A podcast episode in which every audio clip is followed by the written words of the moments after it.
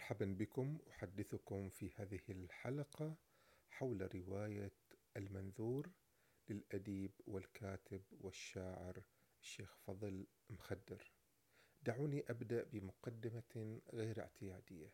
بالنسبة لي هي غير اعتيادية لأني رأيت شيئا في منامي وأنا أقرأ هذه الرواية كنت مأخوذا بعالمها الأسطوري ومأخوذا بشخصيتها الأسطورية شخصية زبيب وسنتعرف عليها بعد قليل. كنت في الحلم ولست بين الحلم واليقظة. كنت حقيقة في الحلم وأنا أفكر في مدخل لهذه الرواية. جاءتني عبارة هي عبارة عن جواب لسؤال كنت أطرحه على نفسي وأنا أقرأ الرواية. كنت أقول ماذا فعلت الرواية بالأسطورة؟ هناك أسطورة في الرواية وهناك رواية تناولت هذه الأسطورة.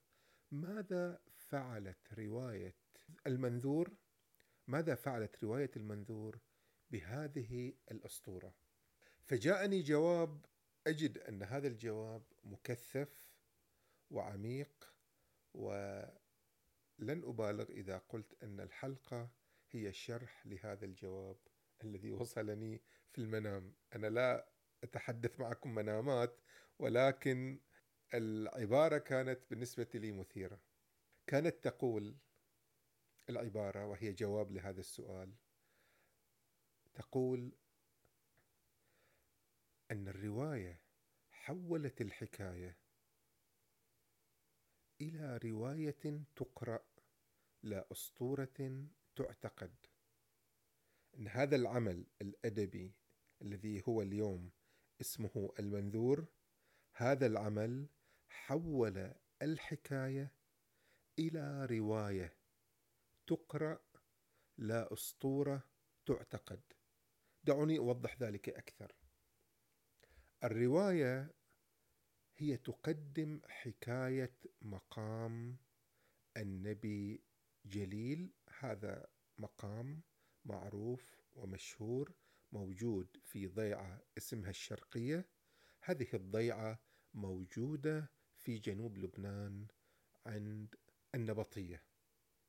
هذا مقام فيه غرف فيه سراديب فيه حجرات مقام جميل للغاية وحوله تدور حكايات وأساطير كيف بني ومن هو هذا النبي جليل ومن هو هذا الشخص الذي بناه؟ هو اسمه زبيب هذا الشخص. الرواية أخذت هذه الحكاية الشعبية التي تدور حول هذا المقام الذي بني في نهاية القرن السابع عشر تقريبا بني في هذا الحدود. تأخذ هذه الحكاية.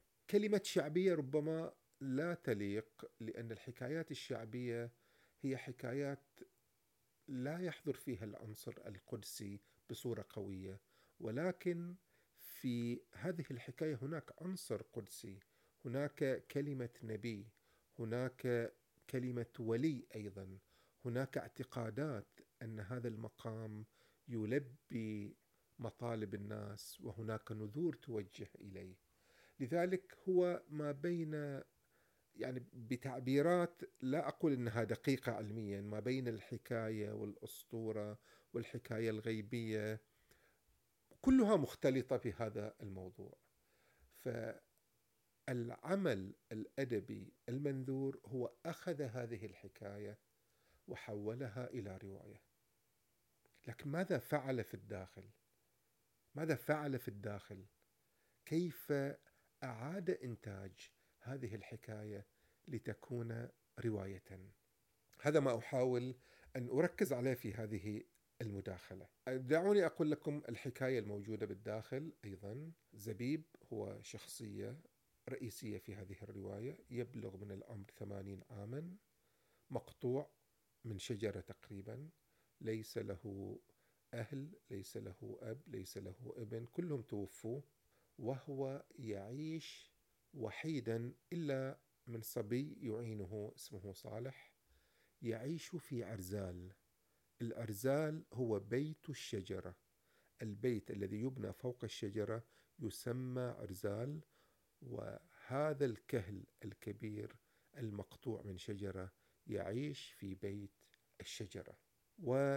ومحبوب في قريته بسيط آه، ليس عالم وليس شيخ وليس ولي شخصية بسيطة صادقة آه، يعرفه الناس بهذه البساطة ويحبونه على هذه البساطة.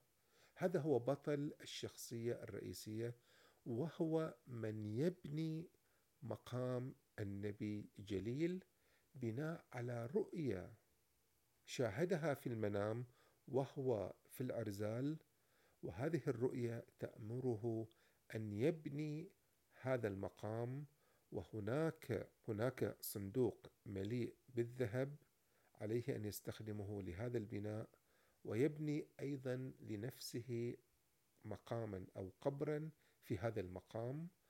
وعلامة صدق هذه الرؤية أنه بعد أن ينتهي من هذا المقام وبنائه سيموت هو وسيدفن في هذا القبر. هذه الحكاية التي رآها في صوره حلم وعمل على تحقيقها وعلى بناء هذا المقام تنتشر في القرية والكل يترقب صدق زبيب بين مصدق ونصف مصدق ومكذب. هذه الحكاية تصل إلى السلطة السياسية فتبعث رجاله. ومن خلال السياق التاريخي ممكن أن نقول أن هؤلاء رجال السلطة هم رجال الدولة العثمانية في ذلك الوقت. يحاولون دخول الضيعة ولكن جيادهم تجفل وتهتز بهم الأرض ولا يستطيعون الدخول. فيطلبون زبيب فيأتي لهم ويجري بينه وبينهم حوار.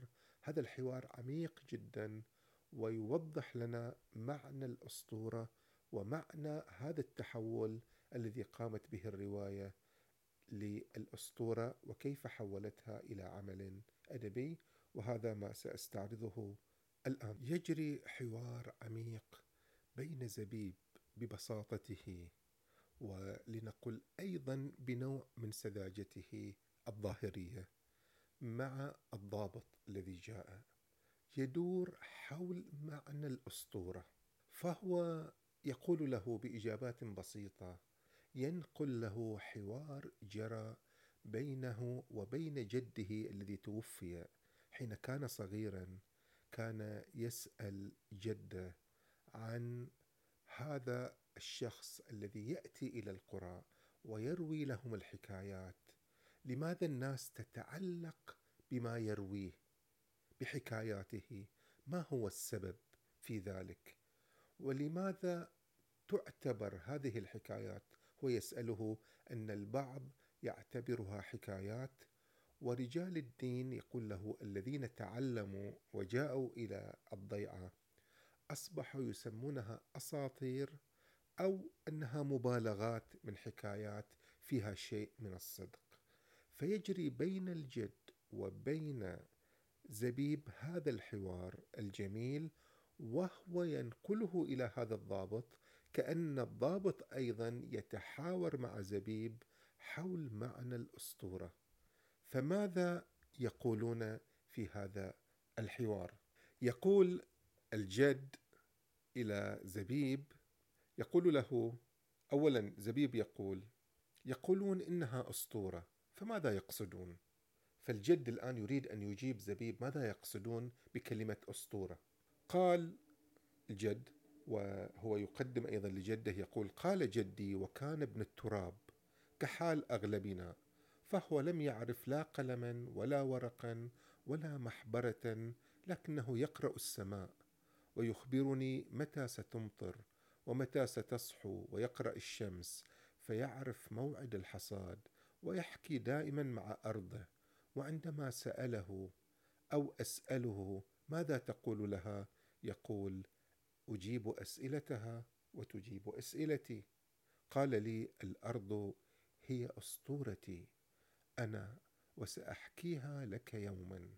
هذا كان جواب الجد الذي لا يقرأ ولا يكتب ولكنه يعرف أن يتحدث مع الأرض يعرف أن يسأل الأرض ويجيب الأرض وتسأله الأرض ويجيب الأرض يعرف كيف يقرأ علامات السماء وعلامات الأرض ويقول له هذه أسطورتي. فقال زبيب لجده الحكواتي إذا يروي الأساطير لأنهم لا يعرفون لما يشتاقون إليه وكأن عدم معرفة سر هذا الاشتياق هو الذي يجعل من هذه أسطورة وليس شيئا آخر.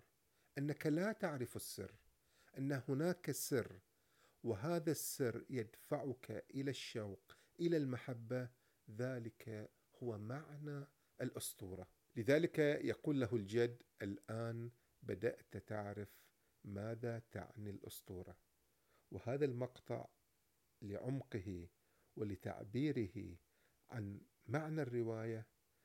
قام كاتب العمل الأدبي بوضعه كتعريف للرواية اقتطع هذا المقطع ووضعه في ظهر غلاف الرواية. بعد ذلك يستمر الحوار والضابط يقول له أنا أعرف معنى الأسطورة وزبيب يقول له أنت لا تعرف لأنك لو كنت تعرف لعرفت السر في لماذا أنت لا تستطيع أن تدخل هذه القرية. لعرفت أن هذه الأرض تنبذك وتنبذ رجالك وتنبذ جيادك لو كنت تعرف سر هذا الأرض سر هذا العشق هذه الأرض هي الأسطورة. أرض الجنوب هي الأسطورة الحاضرة في هذه الرواية ولكن الكاتب لا يتحدث عن هذه الأسطورة بشكل مباشر. هو لا يتحدث عنها بشكل مباشر وفج أو بشكل لنقل ايديولوجي أو شكل غيبي أو شكل سياسي هو يدع الشكل العام للأسطورة يتحرك الشغل الشكل الفانتازي للرواية تتحرك في العمل ولكن من دون أن يعطينا زخم من المعنى أو من دون أن يعطينا تعبيرات تعبر عن أبعاد سياسية. أو أبعاد تفخيمية. الرواية تقول ذلك بكل سلاسة من خلال شخصيه زبيب. يستمر الحوار يقول له الضابط إنني أعرف الأسطورة. فيقول له لا أنت لم تعرف الأسطورة لم تفهمها لأنك تسمع ممن سمع وتروي عن راو فأنت لم تعش الحكاية ولا سحر حدوثها. ولم تلمس روحها. هذه كلمات مفتاحية في معنى الأسطورة كما يفهمها زبيب. أن تلمس روح الحكاية أن تعيشها أن تفهم جوهرها. هذه الأرض التي هذه الأرض التي هي أسطورة الجنوب. هؤلاء عاشوها تحدثوا معها. أس... أسئلتها أجابوا عليها. وسألوها وسألتهم وتاب... وتبادلوا الحديث والإجابات معها فلمسوا روحها. وسنجد هذه عبارة يلمس روحي أو ألمس روحه تتكرر في الرواية مع شخصية زبيب حين يفهم سر من الأسرار أو حين يتعلق بشيء من الأشياء فهو قد لمس مثلا روح الشيخ الذي كان صديق جده وكان قد عمل على تربيته وأصبح ابا آخر له يأخذ منه الحكمة ويعرض عليه حالاته النفسية وإشكالاته. هذا الشيخ يقول ان يقول زبيب حدث بيني وبينه تخاطر صار يعرف روحي ويلمسها وأنا أعرف روحه وألمسها. هذه هي الأسطورة بالنسبة له. كذلك نجد هذا اللمس يحضر عن زبيب حين كان يتحدث بشكل أيضا فانتازي في ظاهره ولكنه حقيقي وواقعي لأنه يمس حياته كما يعيشها حين أنشأ علاقة مع جنية وعلمته القرآن في ثلاثة أيام وصار عشق متبادل بينهم. يقول لمست روحي وأنا أيضا لمست روحها. وحضرت هذه أيضا الروح. وحضرت هذه أيضا اللمسة حين كان يتحدث عن أرزاله. يقول إن هذا الأرزال قد لمس روحي وأنا أيضا لمست روحه. وحين يتحدث كذلك حين يتحدث عن الحاكورة. الحاكورة هي مجموعة الأشجار المحيطة بالبيت تسمى في الجنوب حاكورة. يقول هذه الحاكورة أسطورتي لأنني لمست روحها عشتها تحدثت معها. كذلك هذا الأرزال هو أسطورتي. وكذلك الحقل الحقل الذي يزرع فيه ويسمع فيه ويترقب المطر فيه ويترقب حصاده. يقول أيضا يقول هؤلاء كلهم أساطيري وأنا أعيشها حتى الصخرة التي كانت في الضيعة. كان يقف عليها ويتحدث معها ويشكو لها. فاذا هذه الأرض هي في الحقيقة الأسطورة التي يحكي من خلالها هذا العمل الأدبي.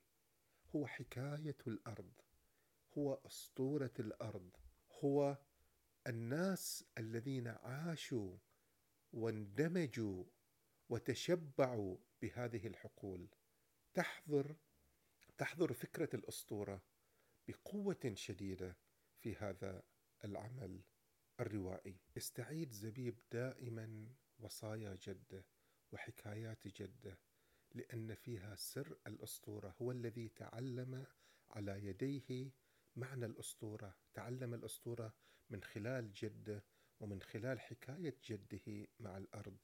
لذلك حين أراد أحدهم أن يعطي لزبيب صدقة تعبيرا عن حب وشفقة رفض الجد رفض الجد بقوة شديدة وكأنه يعبر عن عزته عن سموه عن استغنائه عن الآخرين عن كرامته. كان يقول بالعودة إلى سر الأرض وأسطورة الأرض. يقول لسنا فقراء عندنا أرض وفيها روح نحاكيها نحاكيها بالمعول وتحاكينا بالبقول نحاكيها بالمعول وتحاكينا بالبقول. وإن أردت شيئا أطلب وإن أردت شيئا يا زبيب أطلبه مني. هكذا. كان يريد أن يعلم زبيب هذا الابن الذي ورث هذه الحكمة ورث هذه الأسطورة أن يعتمد على ذاته على يديه على معوله على أرضه على حكايته مع الأرض. إذا استطاع أن يحكي مع الأرض ويحاكيها ويسأله وتسأله سيأتيه الجواب سيأتيه الاكتفاء ستأتيه عزة الجنوب التي هي سر مدفون في الأرض. وهذا هو هذه هي الأسطورة وهذا هو العشق وهذه هي الروح التي يلمسها. كذلك سنعثر على مقطع أيضا جميل في نهاية في الثلث الأخير من الرواية يحاول زبيب أن يسترجع عبر حواراته الداخلية الأحداث التي حدثت الدروس الوصايا التي أخذها مع جده كان يقول تكلمت مع أرضي وحدثتها وغنجتها وسايستها وجرت بيننا سجالات ونزاعات واختلفنا وتصالحنا تباعدنا وتقاربنا وتنافرنا وتعانقنا إنما بيننا أكبر من حياة. وأكثر من عيش فلماذا اهتزت بهذا العنف اليوم؟ أرعبت أهلها وهدمت بيوتهم وروعت أطفالهم لما غضبت وما أغضبها.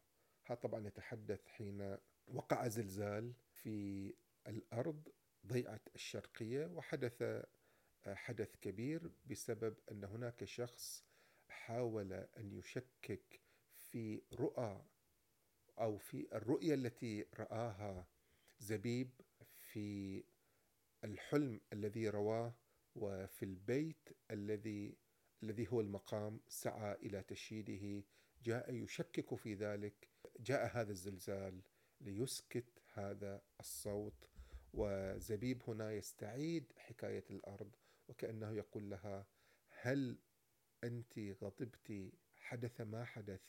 لأن هناك من يشك في هذه الاسطوره الآن يمكننا أن نطرح السؤال حول اسم الرواية. المنذور. من هو هذا المنذور؟ ما المقصود بهذا المنذور؟ ما علاقة المنذور بفكرة الأسطورة والأرض؟ يقول أنه كان دائما يتساءل في الرواية. يقول هذا المنذور منذور لماذا؟ لمن؟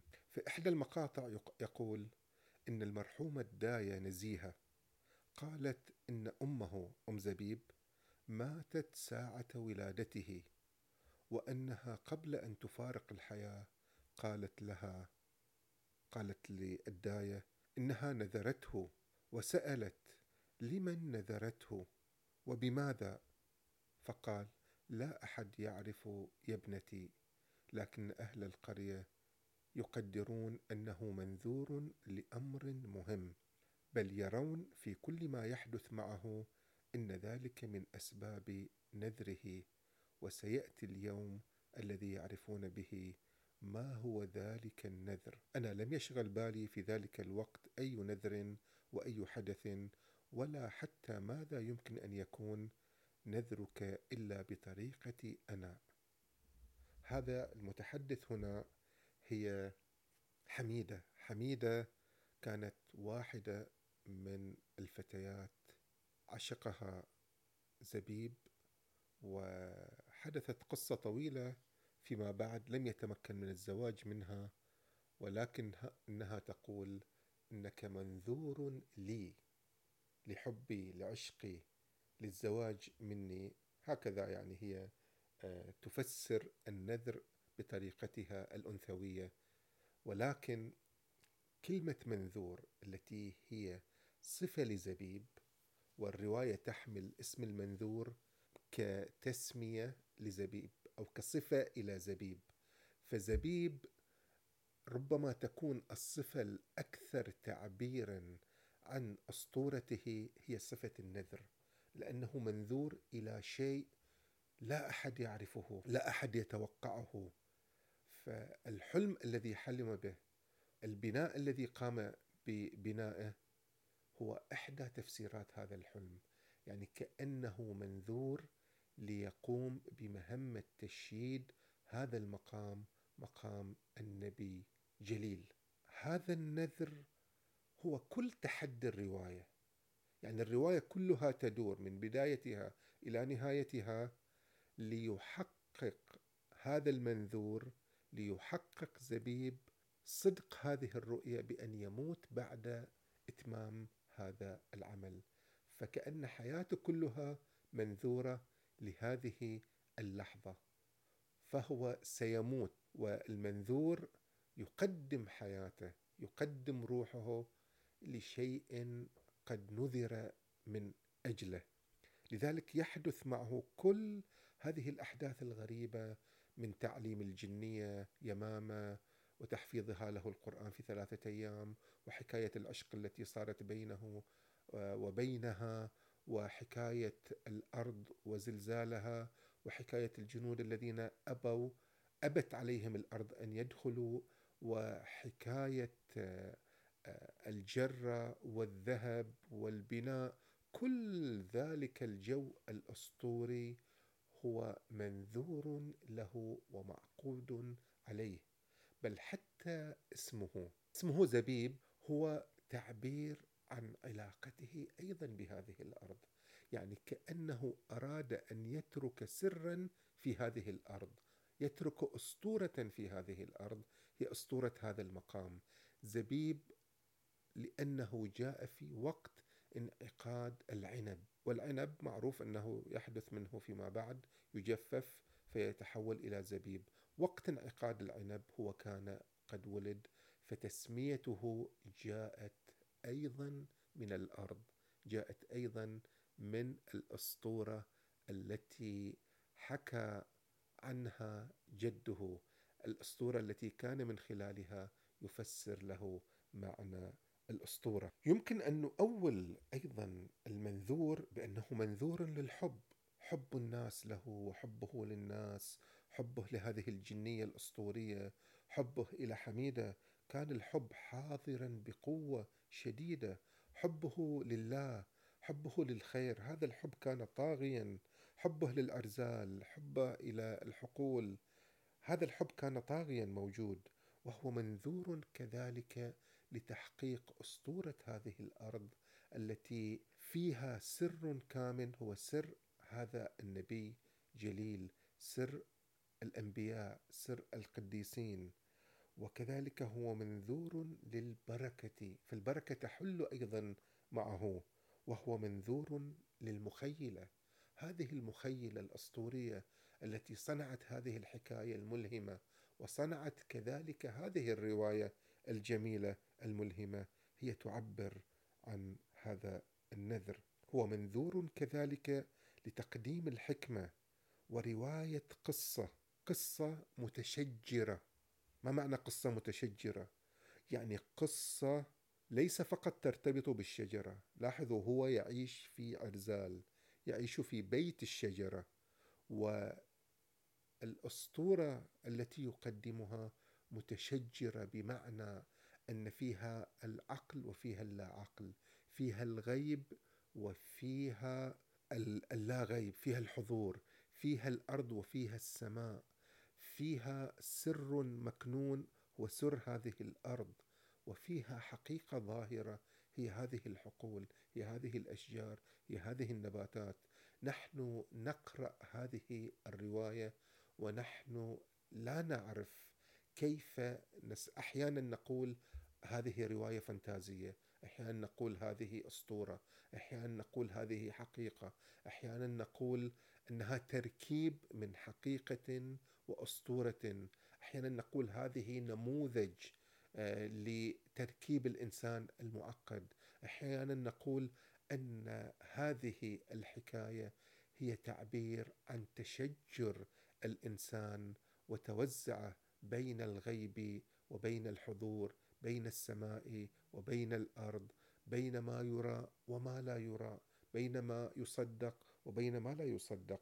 هو منذور لهذه الحكاية الجميلة التي تم تم حكايتها دي الحكاية التي عاشها الناس وكذلك عشناها نحن كرواية. آه، لذلك يعني كذلك ممكن أن نقول أن هو منذور لكي يحكي لنا أسطورة وحكاية تبين سر هذا الجنوب.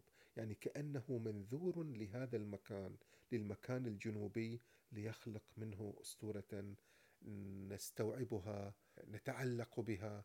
أنا حقيقة زرت مثلا منطقة الشرقية وأنا لم أزر هذا المكان لم أكن أعرفه. الآن بعد هذه الرواية لدي عشق كبير جدا. لزياره المكان زيارة المقام لمعرفة سر تعلق الناس أيضا بهذا المكان. وكأن هذه الحكاية وهذه هذه الأسطورة وهذه الرواية تجذر الناس أيضا في أرضهم أكثر. فهذا أيضا سر من أسرار النذر والمنذور. فزبيب الذي فيه من الجنوب طيبته وفيه من الجنوب صدقة شجاعته وحبه وإشجاره ووديانه وأنهره ومقامات أوليائه وفيه الأنبياء كل ذلك حضر في زبيب. زبيب تحول إلى أيقونة إلى رمز. هذه الرواية استطاعت أن تحول هذه الحكاية إلى رمز. لذلك أعود إلى العبارة التي انطلقت منها في هذه الرواية العبارة التي جاءتني أيضا في الحلم. العبارة التي كانت تقول أن هذه الرواية حولت الحكاية الحكاية إلى رواية تقرأ لا أسطورة تعتقد.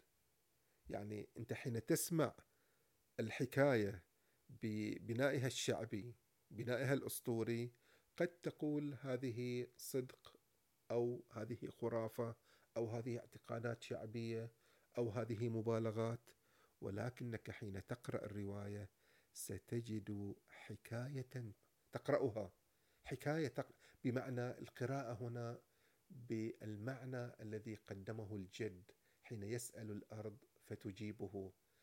الحكاية حين تقرأها أي أنك تفهمها تفهم سرها.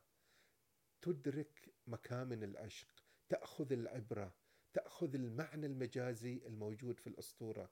بهذه الرواية نحن صرنا نتعقل هذه الحكاية كمعنى جميل كأسطورة تقدم لنا درسا في علاقتنا بالله وعلاقتنا بالأرض وعلاقتنا بالمخيلة وبالسماء. لذلك في الرواية الرواية عبارة جميلة أيضا تقول يحضر الله حيث يحضر الإنسان. إذا حضر الإنسان الله يجسد صفاته ويظهرها في الإنسان كما أظهرها في زبيب. هنا الله هنا الألوهية تظهر. حين يغيب الإنسان لا تظهر الألوهية. لذلك في الحديث القدسي أن الله خلق آدم على صورته على صفاته. فالأسطورة فيها هذا المعنى والرواية تمثلت هذا الجانب وصورته لنا في شكل هذه الحكاية. الجميلة. فأصبحت الحكاية رواية تقرأ لا أسطورة تعتقد. يعني نحن الآن لسنا في صدد هل هذه الأسطورة نعتقد بها أو لا نعتقد بها. نحن أمام رواية نعقلها نفهمها نتعظ من خلالها نرى من خلالها الإنسان وأرضه وسمائه وقوته وضعفه وعشقه وحبه. هكذا تقدم لنا الأعمال الأدبية القوية تقدم لنا روايات أو أساطير أو حكايات في شكل روايات نقرأ من خلالها الكون والألوهية والإنسان وما يعتمل فيهما. شكرا لكم.